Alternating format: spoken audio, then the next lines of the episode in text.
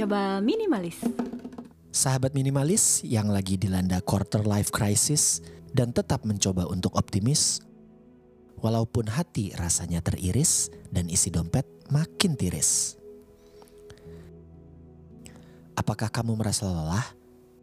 Ingin segera melewati semua krisis di pertengahan 20-an yang bikin jengah? Quarter life crisis ini akan berakhir kok.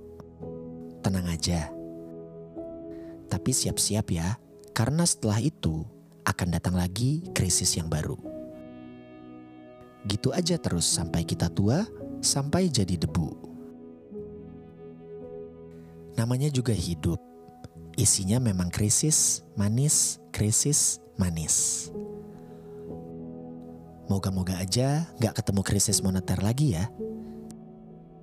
Capek banget gak sih? Udahlah hidup banyak galaunya, Mau healing juga duitnya nggak ada. Lalu kalau ada yang nanya, Hey, pencapaian kamu di umur segini apa? Udah, hidup lu cuma gitu-gitu doang. Jangan marah, jangan stres, gak usah minder. Lah emang bener kok apa yang dia bilang? Hidup kita emang gini-gini aja.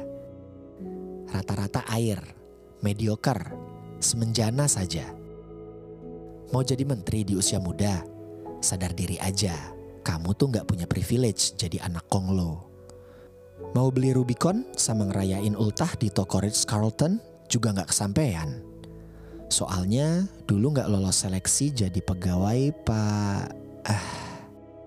Ya intinya, memasuki fase di mana hidup itu krisisnya tiada henti, kita memang perlu menjalani semuanya dengan kepala dingin.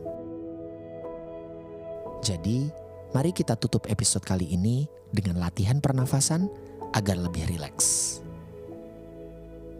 Tutup mata, tarik nafas dalam-dalam perlahan dari hidung, tahan, hembuskan perlahan lewat mulut.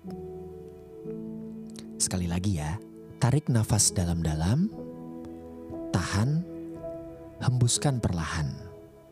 Kali ini, bayangkan orang atau hal yang lagi bikin kamu kesal. Tarik nafas dalam-dalam lagi, tahan, tahan, hembuskan. Mana orangnya? Mau digebukin sekarang nggak? Avo Sentoso Putro pamit undur diri. Namaste. Mencoba minimalis.